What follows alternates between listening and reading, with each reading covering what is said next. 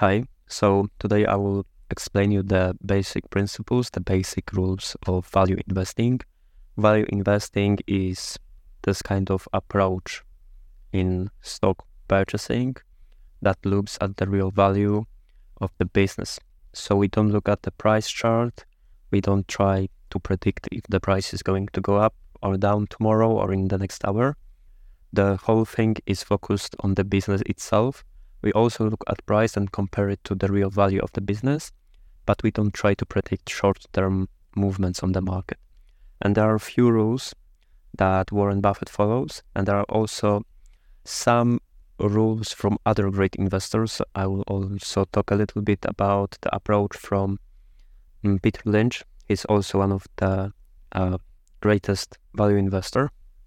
And if you look at the 20 best value best, best investors worldwide, around 80 90% of them use this value based approach because it's just super logical, it makes a lot of sense, it's easy to understand, and it has been working for a very, very, very long time. So, Warren Buffett had a teacher called Benjamin Graham.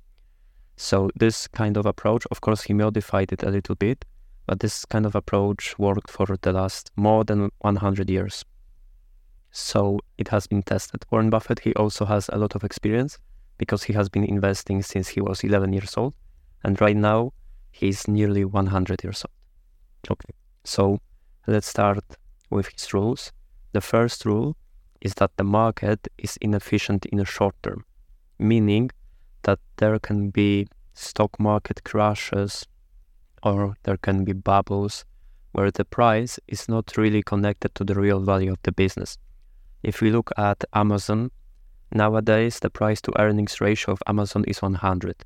That means if the earnings of Amazon stay the same, if you bought the whole company, you'll double your money in 100 years.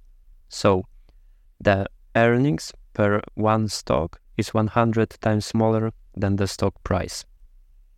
So we can call it kind of a bubble. Of course, maybe Amazon will continue its great growth, and in reality, you won't get double your money in 100 years because the company is growing, the earnings are growing every year, and that indicator doesn't show that. But still, it will take probably a lot, a lot of time. I don't know, 20, 30 years maybe to double your money. Of course, the market can be inefficient. The price of the stock is fully determined just by people buying and just by people selling.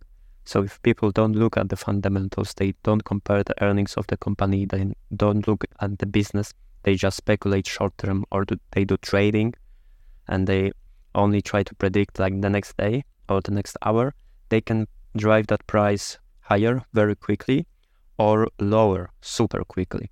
The fear is even stronger emotion than greed on the stock market. So if we experience some stock market crashes, they happen usually very rapidly and it's perfectly normal for stocks to drop 50% in a week. So stocks can be very volatile. You can lose a lot of money very quickly, but they also give you better rewards. It can be called risk premium. The more risk you take in financial world usually comes with greater benefits. If you keep your money on a bank deposit, you won't earn so much as if you invest in stocks, but you also don't have the opportunity to do so much.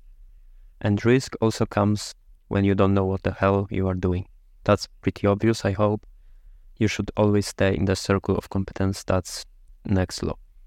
So the market is inefficient in the short term, and that really gives us uh, huge opportunities to buy stocks under the real value. So in terms of in times of panic, of negative sentiment, maybe something happened in the world and people are scared, they're withdrawing their money from the stock market. So a lot of people are selling and not so many people are buying and that will drive the price lower and lower. So during those huge crashes, you can find the most opportunities. Majority of the stocks will be undervalued, meaning that the real value of the business will be higher than the current stock price. And during those times, you have to understand that it's a great opportunity that happens very rarely. So a big stock market crash that is bigger than 25% happens I think around once every 10 years. There are also smaller uh, downturns that are called bear markets that can last a shorter period of time and can be smaller than that 25%, and they are more frequent. I think the market goes down 10% every two years. And the market, when I say the market, I mean the index. So an index, maybe you heard S&P 500 or VIX or DAX. Those are instruments that hold all of the biggest companies from certain region or country. So they can be like a reflection of a whole economy of a country or at least few hundred biggest stocks. Like in case of S&P 500, that's 500 biggest stocks from the USA. So during those times of panic on the stock market, when you can also find a lot of negative information in the media, in reality, it's a very good time to buy cheap stocks. But those undervaluations also happens no matter what is happening on the broad market. So on the broad market, the indexes can rise, and yet you can still find single undervalued stocks. It's a difficult thing to do, but it can be done. At every time, there are like thousands of different stocks that you have access to from all over the world. So even if I don't know 0.5% of those stocks are undervalued, you can fight them and you can have great opportunities to invest even in in any time. It doesn't really matter, especially if you have smaller capital. So if you don't have millions and millions of dollars, then you can invest even in smaller companies. So you have this advantage that Warren Buffett, doesn't have. Warren Buffett has so much money that he can invest only in the biggest companies in the world, and those companies are heavily analyzed, and it's very unlikely that they will be mispriced. While you have some boring companies, maybe from Poland or even from USA, that are smaller, that have a boring name, and they are doing something boring, those companies, not many people look into them, and they can give you great opportunities. So, in the short term, we can benefit from the stocks being undervalued. We can look for them at any time, but during stock market crashes, there's a higher opportunity for finding them. It's very easy to find them during a huge panic on the stock market. And the panic on the stock market, usually all of the indexes are a little bit connected. So if something bad happens globally, you will have great opportunities in USA, in Europe, in Germany, in Poland, all at the same time. And sometimes, of course, like with the war in Ukraine, there was a huge drop in the price um, of Ukrainian stocks, but those companies face a real danger. War can destroy them, they can go bankrupt, so it's a really risky situation to invest in those places. But sometimes the fear doesn't have a reality behind it. So, for instance, in times of COVID, when there were lockdowns, the price of Facebook dropped massively. And as we know, people were locked in their homes, and actually the usage of Facebook went up. So it was a good situation for Facebook, but there was a fear in the whole market, so all of the stocks went down with Facebook. The next rule is the market is efficient in the long term. So your stock price can be below the real value, but we believe that in a few years, maybe two, three, or four years, the stock price will go to the real value of the business. And it works both ways. If you are buying something with a high price, like maybe you want to invest in this Amazon or in Tesla, that price might correct and go down to the real value of the business. And the same goes for buying undervalued businesses. So businesses where the stock price is lower than the real value.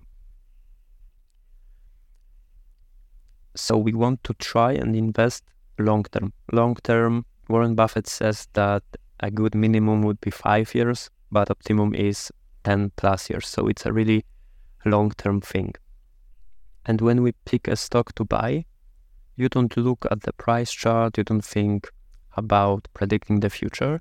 What you want to focus on is just buying a great business. This is one of those laws from Warren Buffett. He looks for great businesses. And Peter Lynch, another great investor, has a very nice and simple rule to follow in, on, in order to find leads, to find some good opportunities, and maybe, maybe the, then do a more in-depth analysis of those companies. So what Peter Lynch suggests is that you look around you and you look in your circle of competence. So, for instance, if you work with cars, if you know the automotive business, then you can look at those companies and try to evaluate them. Because for you, you have advantage even from the guys that work in the finance, in the banking sector, in investments, because they don't know the car companies and cars so much as you might do. So there should be sectors where you have some advantage over others and you should look closely into them. You can also look around you and look at the products or services that you use that are just your favorite. So maybe you have your favorite type of pen or your favorite car, and it can be a good lead to look further. So if you have that good thing, let's say you have good car, and let's say that you had 100 cars, maybe you're a mechanic and you you have seen that Tesla, wow, it's just the best electric vehicle, then you still have to check the financials. I have a short episode about financial indicators. It's episode 8 that will help you look at the basic things. So, like comparing this price to earnings of a company. Even if the company has a great product, the stock price can be so high that you will still lose money while investing in it. And often, while investing in stocks, people try to predict what the future will bring. So, the standard way of thinking for people is that they say, Oh, I think this technology is the future or this company in the next five years will be the next Microsoft, or whatever. They say, oh, there's a war on Ukraine, so this company that produces weed or uh, weapons will make more money, etc., etc. And that might work, but very short term. So there are many analysts who look at different stocks, etc., and they also try to predict the future. And if they can easily predict that, okay, there's a war in Ukraine, so probably the Polish companies that produce weapons will have greater earnings, they will buy that price and drive that price higher. And those predictions, those future predictions, they are not facts, they are just predictions. So they can happen or they don't have to. So there are two ways it can happen. There can be a good prediction about this um, real estate market, so the housing market. People can say, oh, the prices of the materials will go up in the future so that the companies that build real estate, if the materials go up, if the price of materials go up, those companies will earn less because they will spend more on the materials. So the price of those stocks of those companies that build houses will go down. And it's just a speculation. It's so hard to predict the prices of materials like, I don't know, copper or sand or whatever is used, or bricks to build houses. And if those predictions are correct, the stock price will not go down a lot because people already predicted that. They already sold those stocks, so the stock price already went down. The market already priced that in. But if the prediction was wrong, and in reality the prices of the materials didn't go up, let's say they stayed the same, the market made a mistake. So there is a probability that market is wrong about the future expectations, so that the price will go up if the materials don't raise in prices. So in this case, the speculation, the outlook was bad, it gave you more actually potential to invest in that company because based on future predictions, the stock price went down, and those future predictions are not facts. In other way, if we have a prediction that the price of materials will go down, the stock market for real estate developers, the prices of their stock might go up, and the future is unknown. So the materials might really drop in price, but that won't really affect the stock price so much because it's already priced. The price already went up because people anticipated it. People thought it will, it will happen.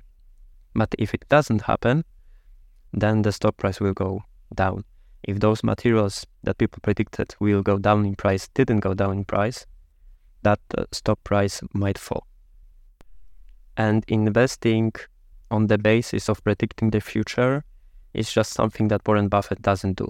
Many people ask him what does he think about the future of economy in USA and he always says that he doesn't know, but looking on the past performance, the USA was growing. So he can say that most probably it will continue as it used to be for the past 10, 20, 30 years. The second biggest mistake people do is that they look at the price chart and they look at the price chart, the price was rising in the last year. That's how they invest in Bitcoin. They look at the Bitcoin. Oh, they say, oh my God, the price rose 10 times. Like I could have earned so much money. I better buy Bitcoin. They think that because the price was rising, going up before, it's a good time to buy. But that's not the truth. The truth is that if the price was going up, maybe, maybe the Bitcoin or the stock is heavily overpriced. You cannot really say it without looking at the fundamentals because the stock price is not always connected to the real value of the business.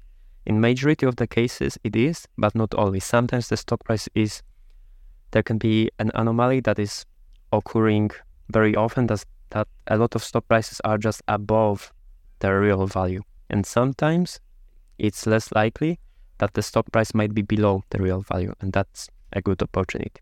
But Warren Buffett, he changed that way of thinking. He's not looking for underpriced assets.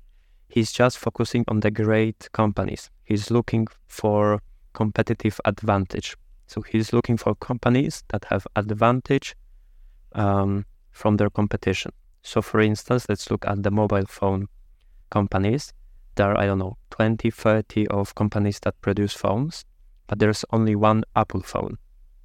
So they have a unique product. One of those competitive advantage is to have a unique product.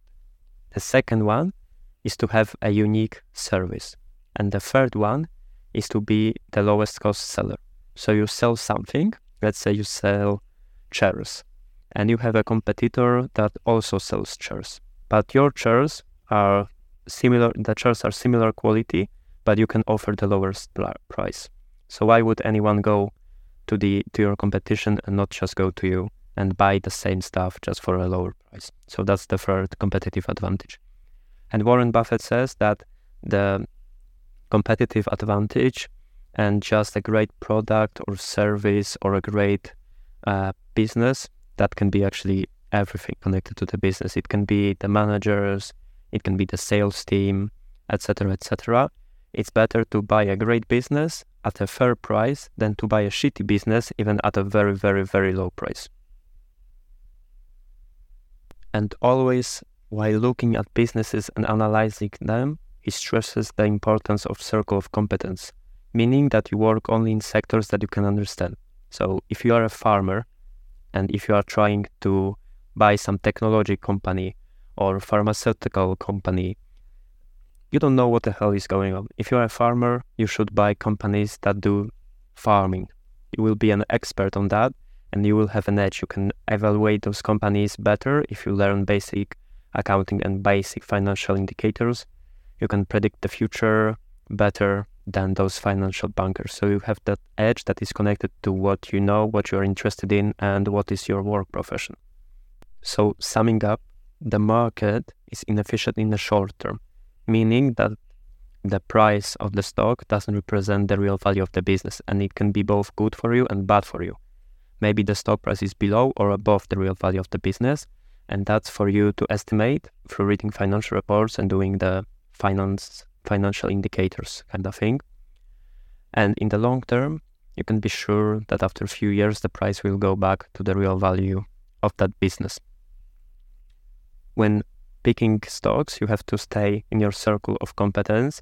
So make sure that the stock you are trying to buy and analyze isn't too difficult and isn't too separate from the field that you are working or that you are interested or knowledgeable in.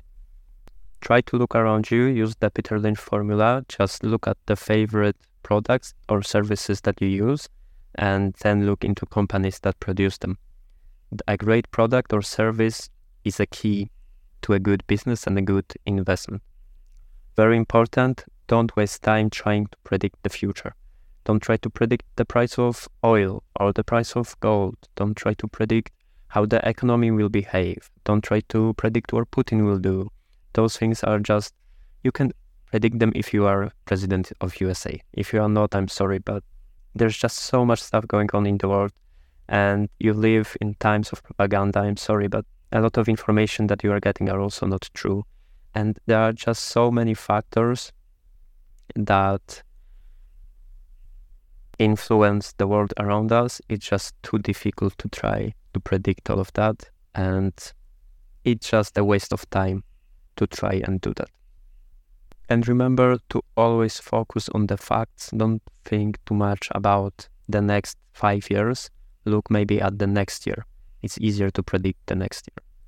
And try to look at the past because it is also certain. You know what happened. It's not a speculation if you look at the past and the present. And basing on that, you can evaluate a company and have great results. And always remember that risk comes when you don't know what the hell you are doing. And the return on your investment is highly correlated to the work you put into the analysis. If you do a long and good analysis, you will you can expect good results. But if you don't follow a great strategy of you buy because of some feeling, you don't really look at the financials and you don't really put much effort into deciding what type of stock to buy, you will most certainly lose a lot of money while investing in the stock market. And it's also very, very important to understand behavioral finance because the psychology is also heavily connected to the world of finance. A lot of even mechanisms that are connected to gambling can be seen in finance. And especially during stock market crashes, etc., there are many mechanisms, psychological mechanisms, that will make it difficult for you to make a sound and logical decisions that is not based on your emotions or uh, critical thinking errors. So yeah, look for a great company with a great product or service um, that hopefully has a unique product or unique service or, or is a low cost seller of that product or service. Remember to always look at the finan- financials and test the products. Make sure that what the company is producing is of high quality, the management of the company is good, and if the price of the stock is not in a big bubble. Okay, I hope that those basic lessons will help you in decision making in the future, and I hope that the strategy of Warren Buffett will bring you great benefits. I really like that man. I think he's really intelligent and smart, and he has just so much experience in the stock market investing, and that strategy has been tested for such a long time that I'm sure it works. It just takes a lot of time to go to do a good analysis, and if you follow those rules, I can ensure that with the right analysis, you'll have great returns on the stock market. Thank you for listening, and I hope to see you in the next episode. Bye bye.